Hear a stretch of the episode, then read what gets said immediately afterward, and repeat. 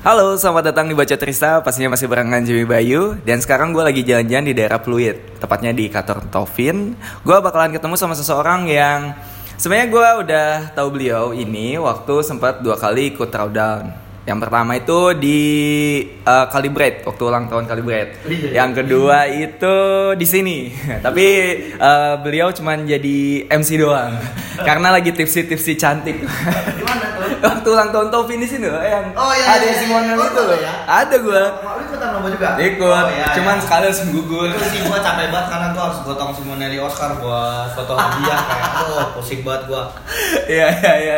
By the way, please welcome Vicky Raharja. Wih, saya thank you. Apa kabar. Vicky? Sehat-sehat alhamdulillah. Sehat, alhamdulillah. ya. Ini Vicky Raharja apakah ada eh, hubungan darah dengan Farid Harja Oh, mungkin? bukan. Jadi sebenarnya sama Roma Irama sih. Jadi jadi sebenarnya nama namanya Roma Irama tuh anaknya ada ada Vicky Raharja juga. Oh iya gitu. Iya Vicky Irama sih. Jadi nama Oh. asli gue kan Vicky Irama Nur Raharja gitu. Hah? Oh, oh, Jarang gue publish sih. Baru di sini doang. Jadi gue agak malu cuma bodo amat lah. Jadi itu tuh emang Iya, iya, iya. karena oh nyesuaiin. Ya. Baiklah, Ya, ya, ya. menarik sekali. By the way, sekarang untuk kesibukan lu de- akhir-akhir ini lagi sibuk apa ya? Jadi ya beberapa tahun ini sibuk jadi sales di Tovin, jualan Hmm. Simonelli, Hmm. bantu-bantu customer buat buka coffee shop, Oh, oke. terus ya bikin-bikin resep minuman yang lucu-lucu buat bantu-bantu customer juga. Ah. Karena kan sekarang lagi tren es kopi susu nih, jadi kayak Yeah. pengen ngembangin di dunia kopinya biar lebih lebih banyak lagi lah varian minumannya kayak gitu. Oh, Oke, menarik menarik. Nah sebelum kita ngebahas lebih jauh nih soal kesibukan lu yang sekarang, Hmm. gue pengen tahu seorang Vicky Raharja waktu dulu apa yang ngebuat lu tertarik masuk ke industri kopi? Oh, Oke.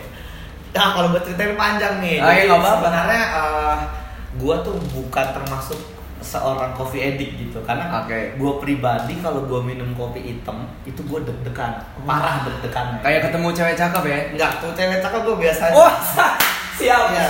Baik. jadi kalau kopi gue deg-degan Iya, iya, iya. jadi gue eh, termasuk yang nggak bisa minum kopi banget cuma Nah. waktu itu kebetulan gue lagi kuliah di Jogja jadi kebetulan gue kalau dari basic pendidikan sih nggak nyambung jadi kan gue tuh kuliah di Jogja Nah. jurusan teknik nuklir Teknik nuklir. ya teknik nuklir jadi teknofisika nuklir Ah. di perguruan kedinasan Hahaha. Nah, jadi memang waktu itu gua hobinya bolos, terus ngopi-ngopi di, ngopi-ngopi di kantin Oh, walaupun deg-degan Iya. tapi tetap suka ngopi. sama dosen gua. Waduh, jadi tambah deg-degan juga ya. Kalau gua di SP gimana lah? Iya, iya, iya. Jadi eh, suatu saat gua kayak ya biasa lah mahasiswa gua cari kerja part time. Nah, Terus waktu itu mungkin di Jogja belum seramai sekarang coffee Hmm. shop jadi masih ada beberapa memang coffee shop atau gue bilang kedai kopi tradisional yang jadi memang gue kan dekat sama UIN Oh, itu banyak mahasiswa dari Jawa Timur dan mereka bikin usaha kedai kopi gitu jadi Hmm. culture-nya kan memang kalau orang Jawa Timur tuh kan kuat banget kopinya Hmm. jadi uh, gua ngelamar di situ masih tradisional jadi Hmm. kalau dulu gua masih belajar sangrai itu gua pakai kipas yang gede banget pakai sapu lidi yang tinggi hitam Oke. terus gue bikin pakai susu kental manis yang Ah. sendoknya dibengkokin Ah, Oke. nah gue belajar tuh tiap hari jadi kayak gue belum tahu bentuknya mesin kopi kayak gimana Itu tahun berapa sorry? tahun 2010 mungkin ya 2010. 2010 2010 tuh lama banget 2010 Iya, terus nah, dari situ gue berasa apa ya ada mungkin karena gue orangnya hobi ngobrol juga Ah. terus cari teman baru Nah, jadi kayak eh, di situ gue dapat beberapa regular customer yang dia bisa bedain itu bukan buatan gue Jadi kayak- keren banget nih gue cuma bikin kayak gini doang padahal Ah. udah ada resepnya Ah. lu bikin misalkan gula satu sendok susu satu sendok kopinya dua sendok aduk ke kanan lima kali kiri lima kali tapi ternyata beda. kok rasanya beda gitu kan akhirnya ya Mungkin ada keringat lu yang jatuh ke minumannya enggak ya? kayaknya iya sih biasanya gue gue celupin jempol ya jadi kayak gitu jadi eh, akhirnya suatu saat eh, ada film Hmm. film jadi eh, namanya Green Hornet filmnya jadi Hmm. film jadul Oh juga iya, yang superhero ya. Ya, jadi ada ada namanya Kato tuh asistennya si bosnya ini yang jadi Ah. Green Hornet ini. Dia ada satu scene yang dia tuh setiap pagi dibuatin kopi sama si Kato ini Iya. dan kopinya ada gambarnya. Ah, iya, betul betul. Nah, akhirnya suatu dia. saat kan dia mabok nih, si Ah. Katonya kan diusir dari Iya. rumah. Kemudian dia bangun, kopinya nggak ada gambarnya nih, Iya. kayak, kayak sampah ya kayak terus dia banting, terus terus dia ngamuk dia lari nyari si Kato lagi ternyata Ah. ada satu scene di situ yang dia nunjukin cara bikin kopinya ternyata dia punya mesin kopi canggih di dalam garasinya itu kemudian Hmm. dia praktekin terus dia bikin Latte waktu itu gue inget buat gambar Rosetta setahu gue ya saya inget gue gambar Rosetta terus kayak baru dia habis dia minum kayak wah ini kopi beneran kata dia gitu dan akhirnya dari situ gue tertarik gue pengen belajar pakai mesin kopi gitu Oh, oke. Jadi singkat cerita mungkin ketika lu akhirnya di Jogja, part time lulus, Mhm. lu akhirnya langsung hijrah Jakarta. Eh, enggak, gue sempat di Jogja dulu. Gue sebenarnya hampir di DO sih. Jadi karena gue gue keasikan main kopi. Jadi waktu Iya, iya. jadi kayak gue di semester 6 Nah, itu gue udah serius main kopi terus masuk ke semester 8 Hah?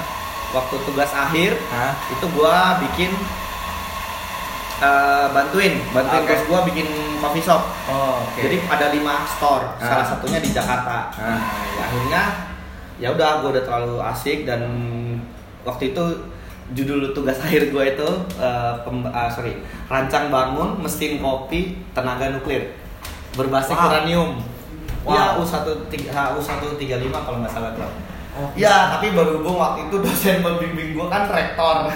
Rektornya tempat gue itu guru bokap gue di SMP. Oh, baik. kayak, jadi kayak gue agak-agak nervous gitu kan kayak dia, dia tahu bokap gue terus kayak gue begajulan di kantor kayak gue asal-asalan terus gue tiba-tiba bikin tugas akhir judulnya kayak gitu kayak kan pada nggak percaya tuh akhirnya ya gue sempet cuti setahun. Ah. terus gue udah sempat mikir juga kayak ya udahlah ngapain kalau jalan gue emang di kopi ya gue nggak usah nyelesain sekolah lah gue bilang. Karena gue pikir ya gue bisa dapat duit juga dari kopi gitu. Iya, iya. tapi ya memang ada sebuah beban sih yang gue rasain. Karena gue belum ngerasa bisa total di kopi karena gue masih ada tanggungan ke orang tua gue Hmm. jadi ya akhirnya gue selesaiin dulu kuliah gue Hmm. baru akhirnya selesai baru gue hijrah ke Jakarta Oh gitu.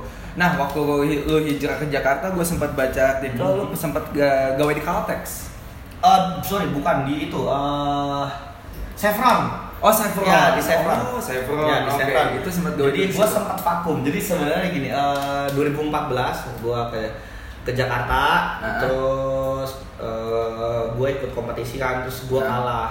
Oke. Kayak gue kalah, terus gue galau. Ah. 2014 itu kan harusnya gue bisa juara satu sih. Waktu itu juara satunya yang Indonesian Latte Championship itu dikirim ke Melbourne itu Ah. ilak pertama Ilang pertama yang disenggarain di Indonesia. 2014. Oh, Jadi oke. waktu itu eh, finalisnya itu berenam ya termasuk gua, Iwan Setiawan, Sony Road Runner tuh, terus Muhammad Aga, Arif, Wah. Iqbal. Jadi gua termasuk Iya, iya, top iya. 6.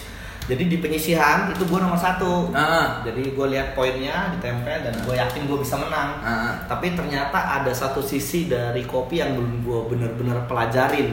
Jadi gue bela- belum belajar bikin espresso yang benar. Oh. Jadi gue jago ke gambar, tapi gue gak bisa bikin espresso ibaratnya. Jadi gue Iya, sebelum gue naik ke stage, gue gue tanya sama kompetitor gue, eh udah lu setting belum blendernya? Jadi menurut gue itu suatu kesalahan yang fatal sih. Jadi akhirnya gue bikin espresso itu gagal dan gue overtime dan akhirnya gue jatuh ke nomor 4 Ah. Jadi kayak akhirnya tuh gue galau, gue keluar dari dunia kopi sempet vakum, ngilang lah ibaratnya satu tahun. Sampai gue dicariin sama anak-anak, ini bocah ke mana nih ngilang, galau ya kan.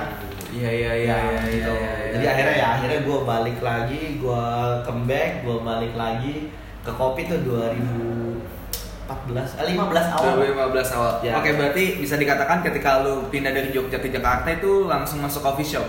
Iya, sa- dengan brand yang sama gue di Jogja dia punya cabang di Jakarta waktu itu. Oh, gitu. Iya.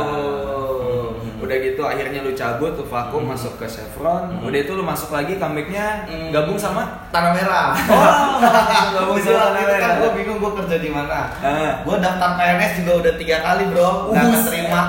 Jadi kayak gue udah sampai tahap terakhir wawancara mungkin karena mungkin agak gue selengean ya. Jadi begitu gue ditanyain, oh, lu mau ngapain jadi PNS? Gue bilang aja gue mau mengabdi pada negara gitu. Terus gagal. Gua pengen nyobain makan di kafe pakai Iya. kemeja korpri. gue pengen jadi PNS madol gitu kan Habis itu sampai berapa kali lah ternyata enggak Ya mungkin akhirnya gue pikir ya mungkin jodoh gue di kopi Rezeki Hmm. gue di kopi ya akhirnya gue bismillah Gue izin sama orang tua ya gue akhirnya terjun total ke dunia kopi waktu itu. Oke, iya iya iya. sampai akhirnya lu gabung sama Tanah Merah. Ya. Dan di Tanah Merah tuh lu kurang lebih berapa lama di sana? Di Tanah Merah hampir 2 tahun ya, sampai dua 2016 akhir. 2016 akhir. Iya, 2016 akhir. Oke, udah gitu lu lanjut ke Max.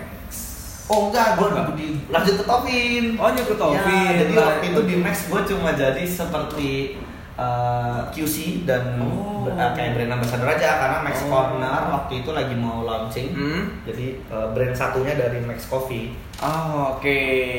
Gua kirain lu sempat gawe di Max ternyata enggak. Dari Tanah Merah lu lanjut ke Tovin. Ya karena gue pikir ya gue capek ya jadi barista gitu kan. Ah. Gue happy sih sebagai jadi barista kayak gue bisa ketemu orang banyak. Cuma gue capeknya adalah gue harus berdiri 12 jam itu kayak Itu mungkin dia. umur Itu dia kerasa ya, banget. ya, ya, mungkin gue sadar umur dan gue nggak kuat ngopi tiap hari karena waktu itu terakhir job desk gue itu gue kayak sebagai QC jadi gue harus keliling di 6 store dan gue harus cek semua espressonya dia Ah, ah. dan menurut gue kayak kalau gue tiap hari kayak begini gue bisa jantungan Iya, iya, iya, iya. jadi akhirnya gue memutuskan untuk ke Begitu Oke, nah ini yang menarik. Em, menurut gua jarang banget barista yang menargetkan atau memikirkan untuk menjadi seorang marketing. oh iya iya Karena iya, iya. em, kebanyakan barista di luar sana tuh mereka menjadi barista untuk menjadi seorang kompetitor.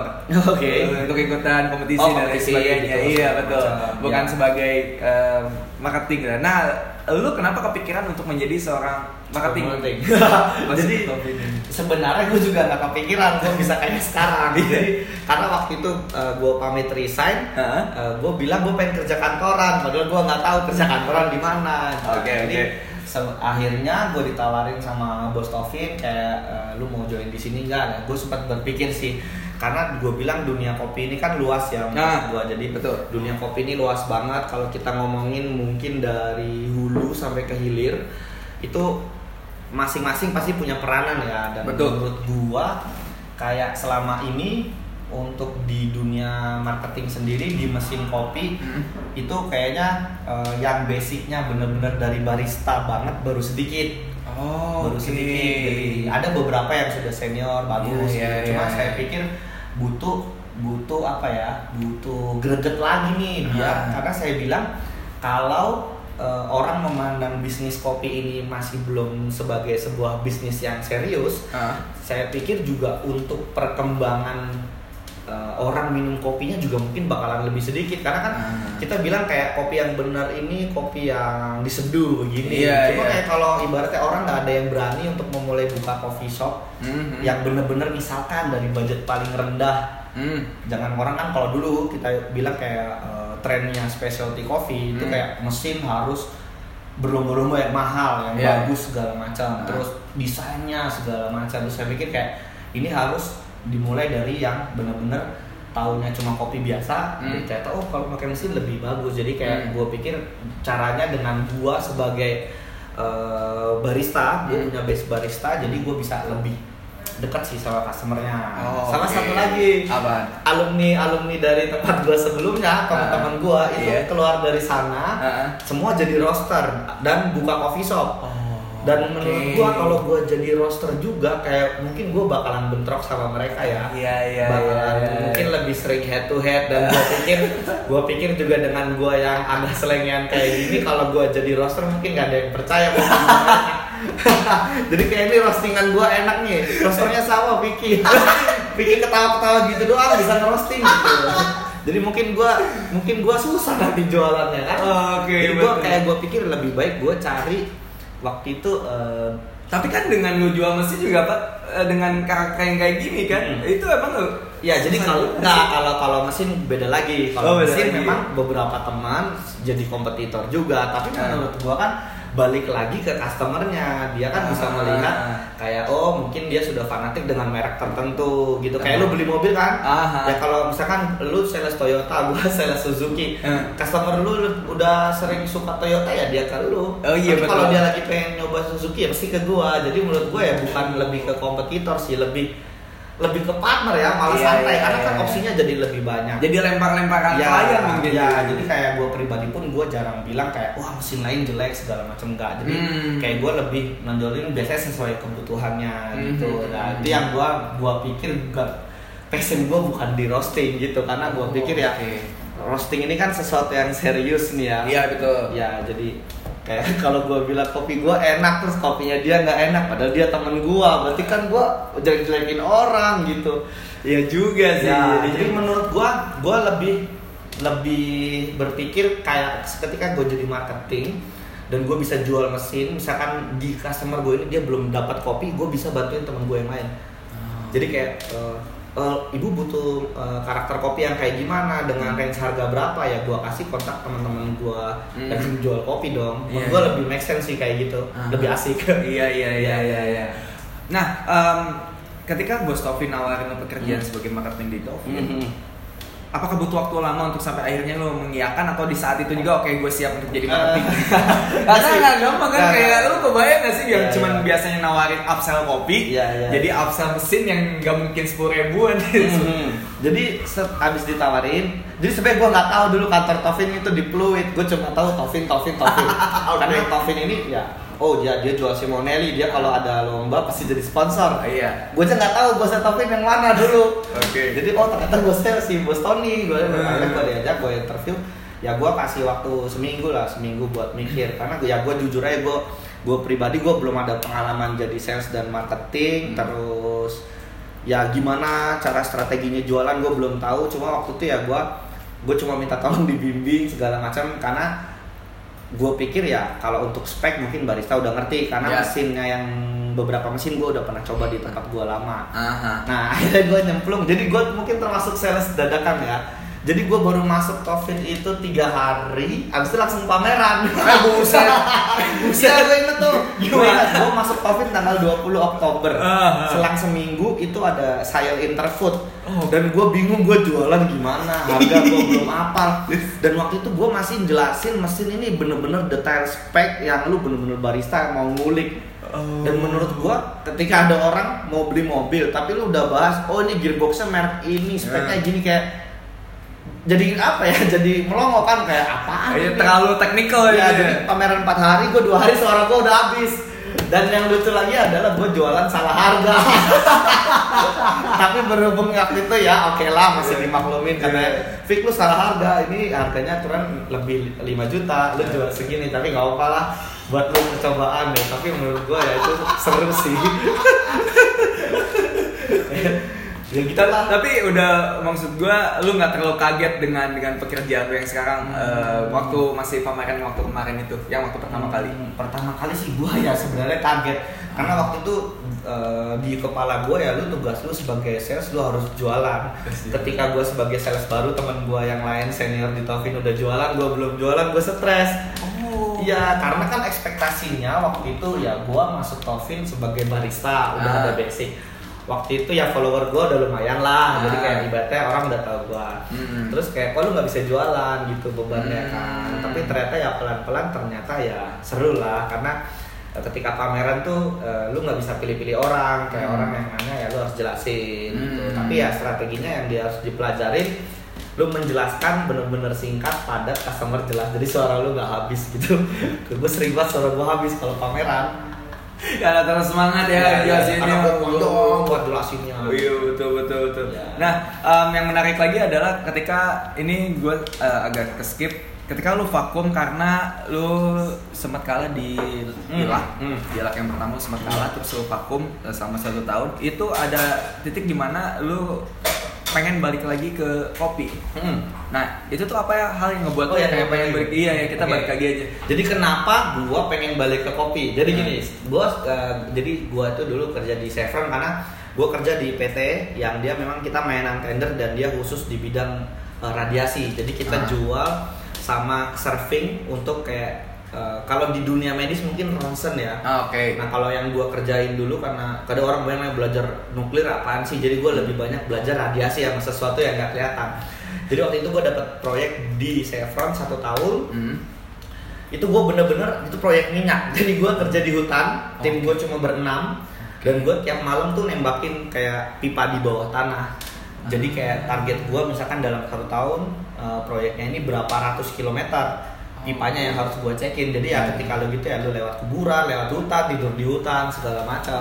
Oke, baik. dan mungkin gue jenuh ya karena gue Iya, pikir biasa gue kerja di kopi yang gue ketemu orang banyak gue bisa sharing gue bisa ngobrol gue bisa ngopi sepuasnya. Itu jelas. karena gue kalibrasi gitu. Kan ya walaupun gue nggak suka kopi cuma kalau sehari minum cappuccino dua ya oke lah. Iya, betul. tapi kan ketika udah nggak di kopi gue pikir wah gue harus spend duit nih tiga puluh lima ribu buat beli kopi. Itu kalau Hmm. kalau nggak gue minum kopi saset kayak mungkin wah gue bukan kopi yang biasa gue minum Iya. Jadi akhirnya gue pikir kayak wah mungkin kerja di teknik bukan passion gue akhirnya Hmm. ya gue memutuskan untuk balik lagi ke dunia kopi karena gue pikir gue lebih happy kerja di kopi gitu Iya, iya. Di, Iya. di mana lu uh, bisa berinteraksi dengan banyak Iya, orang. iya, ya. Gue bisa ketemu, gue bisa belajar sama orang banyak. Jadi Iya. kayak dulu gue orangnya minder. Jadi ketika, jadi gue kalau ngajak kenalan gitu, cowok cat, eh cowok cat, keceplosan sih, enggak, enggak, enggak, enggak, enggak. Cewek maksud gue. Dulu tuh gue Gak apa-apa. udah biasa. Udah terbuka kok sekarang. Enggak, gue udah punya anak. Oh iya, udah, jadi Bang, aman. bang, bang, bang. Berarti udah gak usah Sorry, digakuin. sorry netizen, keceplosan. Ya, jadi eh, dulu gue ketemu cewek cakep tuh gue nervous sampai gue Hmm. natap matanya itu gue nggak berani. Ah. Tapi ketika gue jadi barista dan menurut gue tempat gue kerja dulu karena gue teman-teman gue juga keren-keren Ah. barista-barista hipster semua. Ah. Akhirnya gue ketemu cewek jadi berani. Oh, karena oke. karena apa ya? eh, ketika gue misalnya ke mall terus ada yang kenal gue biasa ngopi di coffee shop gue, dia Ah. manggil eh Mas Suki gitu. Wah kayak bangga gue nih. Oh ya. Ah. Nah mulai dari situ ya lama-lama jadi nggak tahu malu gitu. ketemu di mana-mana ya kadang nggak kenal aja gue sapa ternyata salah orang. Iya.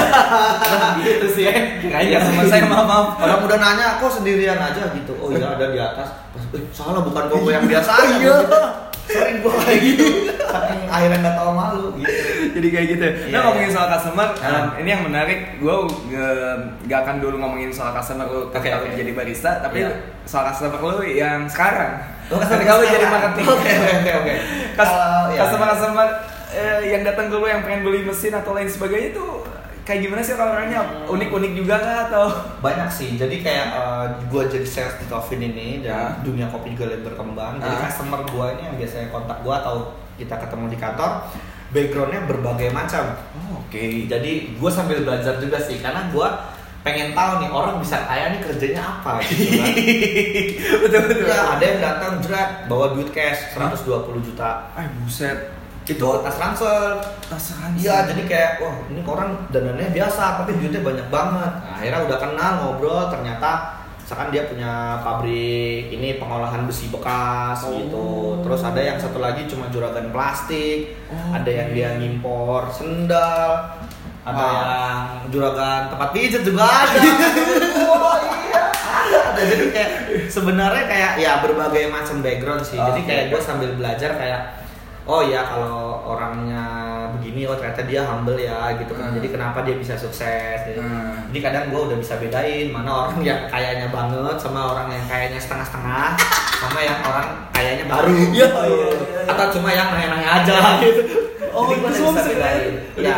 Itu um, dengan cara mereka berbicara, ngomong, gestur Eh, atau? ya kadang begitu. Karena kan kita juga di Tofin diajarin kayak eh, psikologis ya. Jadi Ah, kayak gimana kita eh, trust ke orang Hmm. gitu ngasih eh, biar orang trust ke kita gitu jadi Hmm. kayak pinter-pinter ngebaca lah kalau udah oh kayak gini berarti mungkin dia baru 50% Oh. atau kadang ada yang 10% biasanya kalau kalau di customer Tofin sendiri sih pasti udah 50% mau buka tapi kalau di pameran kan ada yang cuma lewat Iya, iya, iya, iya. jadi kayak jadi kayak kita sebagai sales itu diajarkan jangan sampai milih-milih orang jadi jangan kayak, oh ini orang kayaknya nggak beli tapi akhirnya kita seenaknya gitu enggak jadi tetap semuanya diperlakukan sama gitu Wow, iya juga sih. Iya, iya, iya. Karena ada yang pernah ngalamin gak yang penampilan itu emang yang biasa aja tapi taunya mes- beli mesin yang 200 juta oh gitu. banyak kayak gitu mah sering Susah. sering ya ditanyain kerja apa kok nggak ngaku gitu ternyata dia punya juragan plastik gitu ternyata tapi beberapa ya ya memang dandanannya biasa sih kita nggak bisa nilai dari dandanan cuma Iya, iya.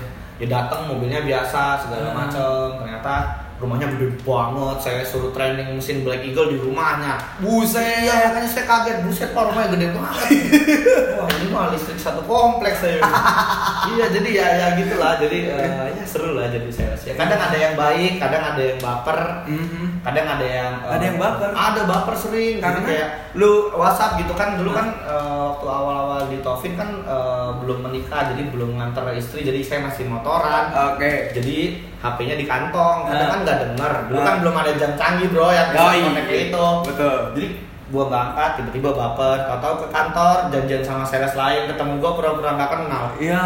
kan kasian ya padahal padahal gua cuma telat balas doang Iya iya iya. iya. ya kadang itulah Dat, kalau yang di IG gimana tuh yang di IG? Oh, yang Kan di IG kan ada. sering kan kayak gue nggak perhatiin postingan lu Oke. eh, harga DM, harga DM itu banyak tuh yang Iya, banyak. pasti kan. banyak jadi kayak sampai Instagram gue pernah di blok gara-gara gue tuh komennya sama jadi waktu itu gue ingat gue ada postingan gue satu atau dua postingan Hah? yang memang banyak banget yang DM jadi kayak har- eh, sorry eh, yang komen Ah. jadi harga DM harga DM harga DM kan gue cuma copy paste ya Iya iya iya. Oke kak, oke kak, oke kak, oke kak, oke kak, oke kak, oke kak, Tahu akhirnya jeblet your account is blocked gitu-gitu. Iya.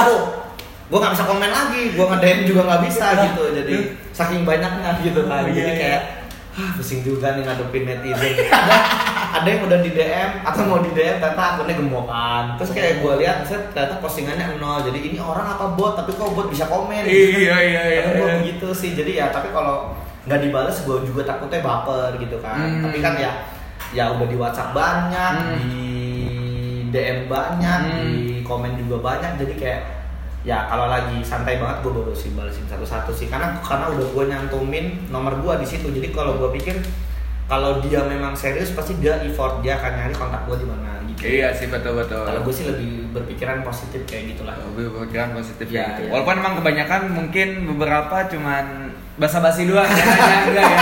Dan itu nggak berkelanjutan sama sekali sampai, ya. sampai akhirnya ada yang gua balas itu ternyata dia dulu nanya mesin Iya. dari 2017 gua gua inget tuh ada kan kalau di DM Instagram Iya, uh, ada. 28 Januari 2017 itu dia nanya sampai empat kali harganya mesin Simonelli Oscar sama K3 Touch dari harganya waktu itu masih 24 setengah sampai sekarang udah 29 dan nggak beli beli jadi kayak ya berarti gua termasuk yang sabar sih Iya, karena gua iya, masih iya. mau balesin mereka Masih mau balesin mereka, iya. iya kan gua positif lagi oh mungkin lagi nabung gitu. Oh, Oke, iya iya. Iya. Dia udah ngeceng dari lama, Iya. cuma belum kekumpul segitu. Iya. Ya mungkin nabungnya 100 perak per hari kan.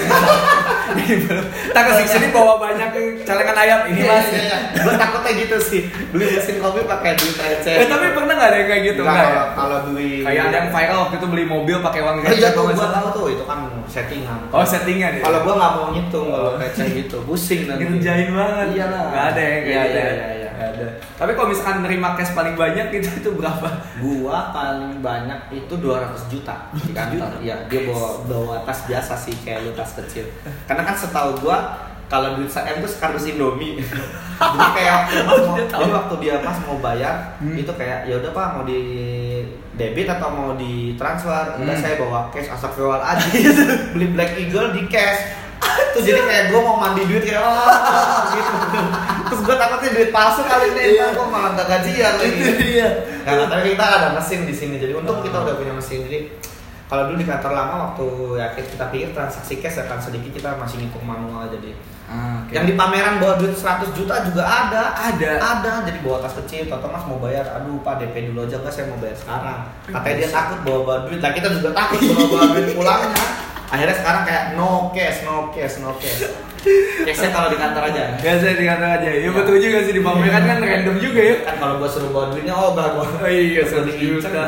Gak Iya. mungkin setebal dompet Iya. kan mesti segede tas ujungnya. Tapi kalau misalkan untuk pameran sendiri ada momen menarik nggak ketika lu ikut pameran Hmm, selalu kalau ya kalau dulu awal-awal pameran sih mungkin kena orang taunya gue sebagai barista jadi Hmm. banyak ngobrol kalau sekarang di pameran ya gue serunya gue bisa ketemu sama customer gue yang udah tiga tahun beli mesin sama gue empat kali dan gue belum pernah ketemu.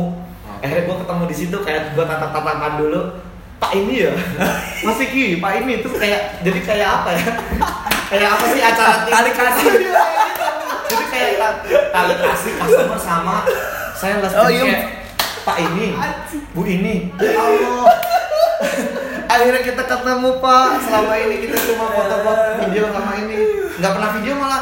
Kayak dulu. kan WhatsApp belum ini jadi kayak cuma by phone Hmm. terus telepon WhatsApp kayak gue nggak tahu gue lihat profilnya terus keluarga terus akhirnya ketemu kan kayak Pak ya Allah akhirnya ketemu kita Pak. Akhirnya foto bareng. Bener-bener kayak tarik kasih deh jadi kayak gue bisa ngerasa kayak chemistry antar sales dan customer tuh bener-bener deket sih. Jadi kayak Berarti emang harus ya itu tuh ya. Emang Iya. penting banget ya. Lu nggak cuma sekedar untuk jual barang ya. Iya, iya. Nggak cuma kayak Jadi itu yang gue pengen tegesin sih ke orang-orang yang jadi kan setelah gue jadi sales tuh kayak banyak banget di luaran Hah? bilang kayak lu ngapain belajar dari barista susah-susah lu lihat aja Novi Kira Harja malah jadi sales sekarang duitnya banyak aduh orang bilang duitnya banyak itu dari luar aja gitu ya kalau Hmm. menurut gua sih kalau lu eh, ingin dapat sesuatu yang lebih berarti lu effortnya lebih gitu Betul. Jadi orang mikir kayak jadi sales enak Hmm. tinggal jualan posting form mesin sebel- 11 biji Hmm. terus bukti transfer foto gini salaman SPK apa segala macam tapi kan dibalik itu kayak mereka nggak tahu kayak jadi sales tuh ya kadang dimaki customer kadang di ya komplain Iya, segala iya. macam jadi kan kayak apa ya jadi kalau jadi sales dia nggak bisa nerima masukan dan nggak sabar ya lu nggak bisa jualan banyak menurut gua Oh, karena bukan sekedar jualan menurut gua karena ketika dia sudah beli ya lu bisa kasih mereka apa gitu dan Hmm. itu beberapa customer yang memang dia benar-benar eh, dekat sama gua Hmm. terus dia eh, sharing sering sharing terus akhirnya dia lakuin apa yang gua suggest Hmm. sih alhamdulillahnya mereka udah punya cabang di atas 5 jadi kayak Wow. begitu dia ketemu gua jadi kayak seneng gua mas makasih ya gitu segala macam Wow. kadang sampai anak gua lahiran ada yang ngirim kado gede banget Wah. sampai ada yang marketing dari mana Iya iya iya iya iya. iya. gua bilang penting sih jadi bukan hanya sekedar jual beli Hmm. kalau gua bilang Hmm, tapi lu ngebantuin juga bisnisnya mereka Hmm. juga mungkin ya sedikitnya. Hmm. Nah, tapi kalau misalkan ini nih yang menarik, gue sempat ingat lu sempat posting ketika akun lu atau mungkin nomor lu ada yang ngehack atau ada yang ngaku-ngaku kalau nggak salah. Oh ya? iya iya iya iya iya pernah Itu pernah, tahun pernah. berapa? Tahun kemarin Jadi apa gitu? tahun lalu sih. Jadi Hmm. sebenarnya itu yang karena bukan bukan gua juga gua, doang. Jadi Hmm. ada beberapa teman gua kayak si Aga, si Isman, Rian Wibawa gitu. Jadi waktu itu gua lagi di luar kota. Terus Hmm. tiba-tiba ada yang ngirim ke eh, si Rian, Rian, Rian tanya gua kayak Pokok lu kenal orang ini nggak gitu? Wah, gua nggak tahu. Kok tiba-tiba ada mod foto kita berdua nih bikin acara Iya bikin acara Fikir Harja dan Rian Wibawa gitu Sama Rian kan dikontak ke orangnya Ah. Dia tanya, ngapain kok lu pasang foto gua nggak ada konfirmasi Ah. Kata dia udah izin sama Fikir Harja Katanya, lah izin gua, emang gua siapanya Rian Wibawa Gua manajernya Gua aja gak kenal orangnya gitu Iya. Jadi kan menurut gua Banyak akun-akun kayak gitu ya Ya maaf-maaf aja, gua takutnya malah mengadu domba antar teman sendiri kan Oh iya iya iya iya iya. iya. kalau satu lagi waktu itu eh, dia ngaku-ngaku jebolan dari eh, ABCD dia Oke. katanya ngajar di ABCD Ah. terus akhirnya jual beli mesin. Oke. terus tiba-tiba kayak bawa-bawa namanya Isman namanya Aga. Terus akhirnya gue kena juga katanya gue jual mesin. Aha. tiba-tiba ada yang malam-malam chat gue Ah. malam Mas Vicky mau tanya mesin ini kapan dikirim ya? Lah mesin yang mana pak? Saya tanya gitu. Mesin merek ini. Waduh kan gua nggak jualan merek itu udah gue gitu oh ini mesinnya bukan dari saya kali pak. Enggak dari Mas Vicky gitu. Hmm. kan kita lain-lainan. Buset kapan gua main lain gua punya lain tapi gua nggak pernah pakai lain karena ya menurut gua ini apaan ini? Terus gua kaget. Akhirnya kan gua cari-cariin. Hmm. ternyata dia ngaku-ngaku juga jadi customer gua. Dia sepupunya jualan. Jadi kayak ngeri banget sih kalau udah kayak gitu. Jadi kayak Wow. jadi makanya gue bilang gue selalu bilang ya lebih aman lagi konfirmasi lagi. Kalau enggak ngajak ketemu orangnya langsung. Jangan langsung transfer gitu.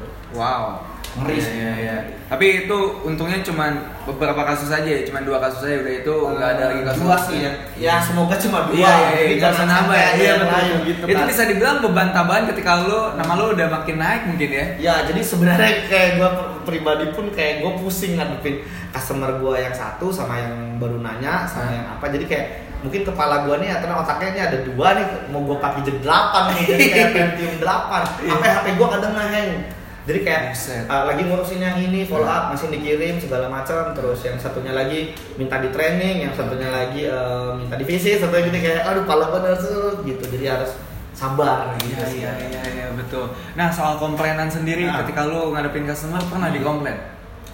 pernah sih di komplain komplainnya juga kadang yang lucu-lucu. Gitu jadi kan jadi gini kalau yang nggak lucu jadi nggak lucu biasa gini. Karena gue kan pernah jadi barista juga. Ah. jadi eh, beberapa gue udah tahu nih mesin kopi kendalanya di mana. Misalkan mas airnya nggak mau keluar. Mas Hmm. steamnya nggak mau keluar. Oh ya cek galonnya. Ternyata galonnya habis.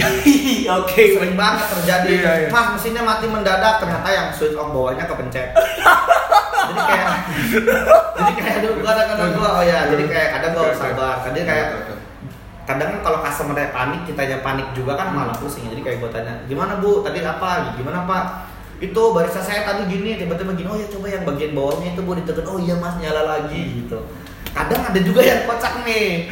Yang Iya. misalkan eh, mas ini mesinnya jelek banget Iya. saya baru dua hari dikirim kok udah nggak mau ngegiling katanya. Kopinya nggak mau keluar. Kenapa bu nggak mau keluar? Udah saya nggak mau tahu pokoknya teknisi yang harus datang Nah, Oke. sedangkan SOP-nya kan teknisi nggak bisa hari H kalau lagi udah sore kan udah pada jalan. Oh iya iya. Akhirnya gua tuh yang jauh-jauh ke Depok. Hmm. Ternyata sampai sana, jadi lu tahu nih, hopper tuh ada Ya. ada yang buat buka tutup bin, itu nggak dibuka bro. Jadi kayak gue nyampe bu, ini dibuka ya bu, astagfirullahaladzim, ya kan? Kayak aduh, Iya kan? Jadi kayak lu ngelakuin, kayak lu doing something yang lasting time banget kayak tapi gua mau gua omelinnya customer gua, tapi gua keburu diomelin duluan kayak kadang ya Allah, ini gua sakit hati banget dikata-katain orang sampai Iya. begini gitu. Waktu datang ya tuh ternyata cuma geserin doang. Digeserin, Buka gitu. hopper ya Allah. Ya kadang, tapi kadang saya maklumin sih karena Iya. kan kalau kita bilang mesin kopi ini ya bukan barang murah juga. Jadi ketika baristanya mungkin belum pernah pakai mesin yang stipe atau ownernya pun juga dia kayak takut. Oh, Jadi kayak oke. dia pengen orang yang percaya yang uh, yang nguasain yang bisa datang. Cuma Hmm. ya gitu lah. Kadang sih gua kalau bu sabar dulu, tolong jelasin ke saya, kirimin foto atau video gitu. Lebih enak sih. Oh. Daripada lu harus datang jauh-jauh cuma buka oper gitu kan kayak Iya juga sih Ya, ya, ya. tapi gitu. emang si ibunya udah panik duluan kayak- kayaknya. sering lah itu.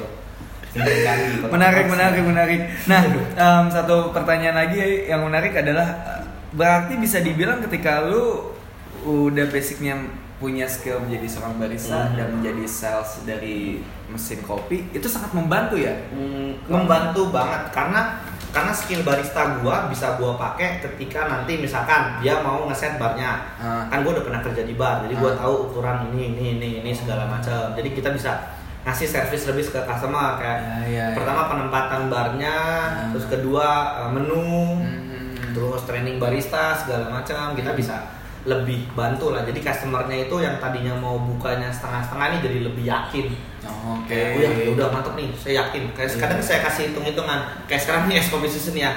Bu, ibu kalau beli mesinnya harga 50 juta, Hmm. cicilannya tuh sebulan cuma 5 juta. Hmm. 4 juta malah. Nah, ibu cuma perlu jualan satu hari 10 cup ya, kita hitung ya. Misalkan satu cup modalnya 10 asli eh, 7 ribu. Oke. Ibu jual 17 ribu, ibu Eh. punya untung 10 ribu. Eh. Nah, 10 ribu kali 10 100 ribu, eh, misalkan 100 ribu, eh jangan 10 berarti 20 Iya. 100 ribu oh, berarti kalau 10 100 ribu bu. Berarti kalau ibu jual 20 200 ribu kali sebulan 6 juta. Jadi kayak 7 ribu tuh udah gua masukin gaji barista juga. Jadi Iya. saya dapat 6 juta cicilan Ah. ibu 3 juta. Ya udah ibu berarti dapat untung 3 juta. Udah juga ya masuk nih mas. Gitu. Akhirnya dia berani buka pakai mesin yang besar. Jadi kayak Oh. kita jadi sales sih juga sebenarnya jangan asal jualan doang. Jadi jangan asal jualan ibu mau beli mana? Oh ya yang ini yang ini. Bagus bagus bagus bagus. Gitu. Jadi kayak gue lebih mengarahin kayak yang sesuai misalkan dia udah ada tempat berarti kapasitasnya dia harus sesuai sama mesinnya. Terus apalagi ya?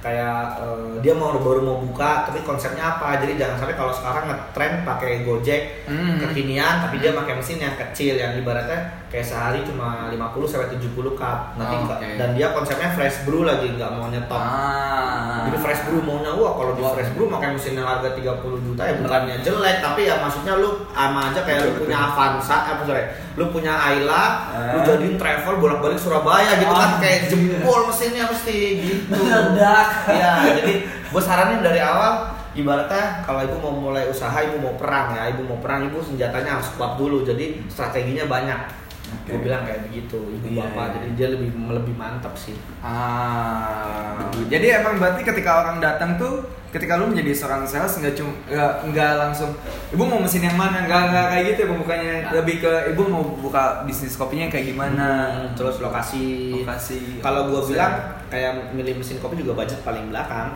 karena nyesuaiin. Jangan budget di depan. Oh kayak sama nanti kayak ada yang DM gua mas saya mau buka coffee shop. Ada nggak mesin harga 10 juta gitu? Aduh ada tapi di online.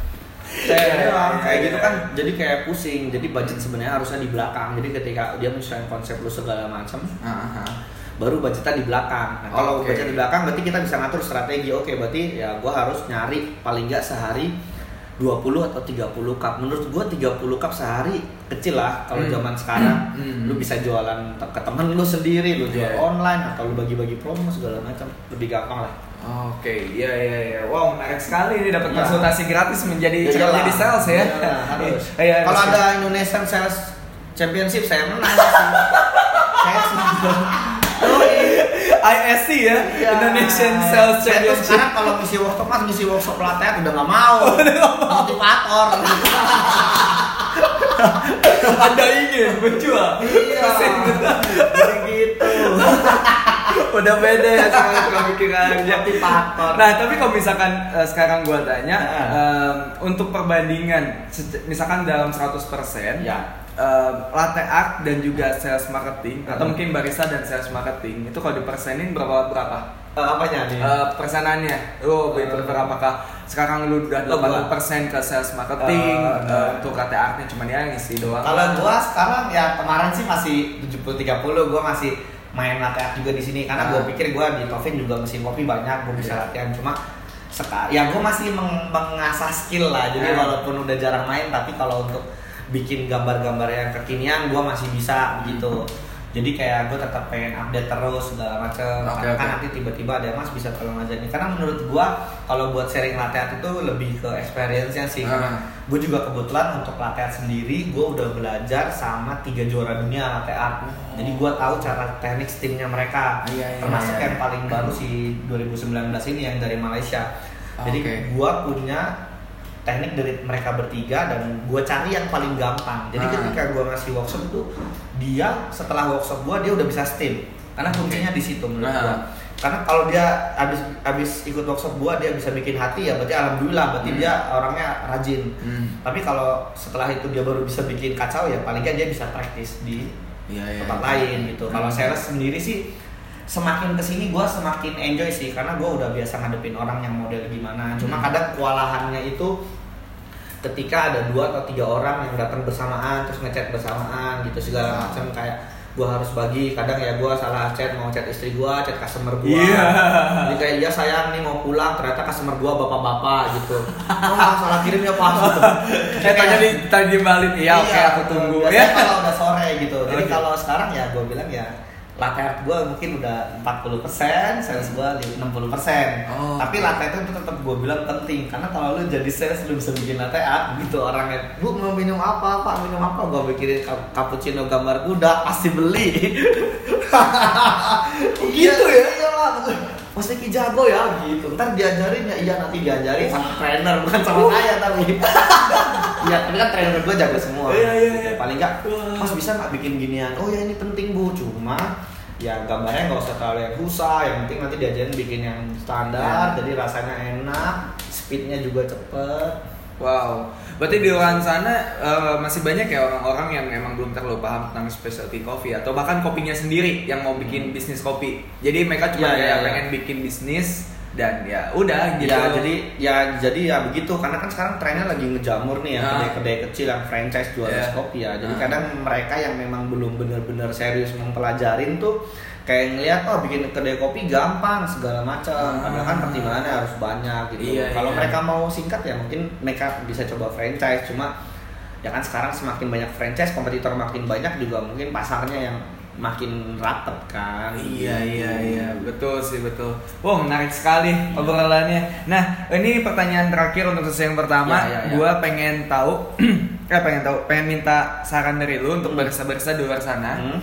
Um, gimana caranya untuk menjadi seorang barista dan juga tentang jenjang karir seorang barista. Oke. Apakah uh, nggak harus lah lu selalu menjadi pengen jadi champion gitu masih Ah. ada kayak karir-karir yang lain. Eh, jadi apa ya kalau gue bilang karena gue bisa jadi sales kayak sekarang dengan ibaratnya gue punya service yang cukup baik dengan customer itu gue belajar dari ketika gue jadi barista gitu Hmm. ketika gue jadi barista di belakang bar gue gue juga belum tahu nih kopi buatan gue enak atau enggak tapi ketika gue ngomong sama customer dan customer ini udah uh, senang dengan apa yang gue sampaikan terus dia udah trust dia bisa percaya sama kita jadi ya itu yang dibilang ketika gue nyeduh kopi misalkan ini rasanya uh, coklat Hmm. terus orange Hmm. brown sugar ya customer gue pasti bakal ngerasain itu karena dia udah percaya oh ya nih mas Vicky buat rasanya gini gitu Ah. jadi menurut gue ya sebagai barista ya lu harus jago di skill Ah. di sensori sama yang paling penting si customer service jadi karena customer service menurut gue lu bisa bawa skill lu itu nanti ke jenjang yang selanjutnya entah lu mau jadi roaster Hmm. atau lu mau jadi sales kayak gua atau lu mungkin jadi coffee owner atau mungkin jadi uh, queue leader turun ke bawah lagi ke petani segala Hmm. macam karena kan ketika lu bisa nyampein ke orang itu dengan bahasa yang baik dan uh, jelas Hmm. jadi lu ngomong ke orang jadi orang lebih enak dan orang lebih percaya sama lu gitu. Hmm. jadi sama kalau untuk kompetisi kayak gue sendiri pun gue di Indonesia yang kompetisi resmi itu gue belum pernah juara sih. Jadi kayak dulu gue juara 2014 tuh waktu waktu itu cover latte art itu masih zamannya belum ada kompetisi resmi. Oke. terus gue juga sering ikut ikutan throwdown kadang juara dua juara tiga. Waktu itu terakhir di Bandung juara satu. Ah.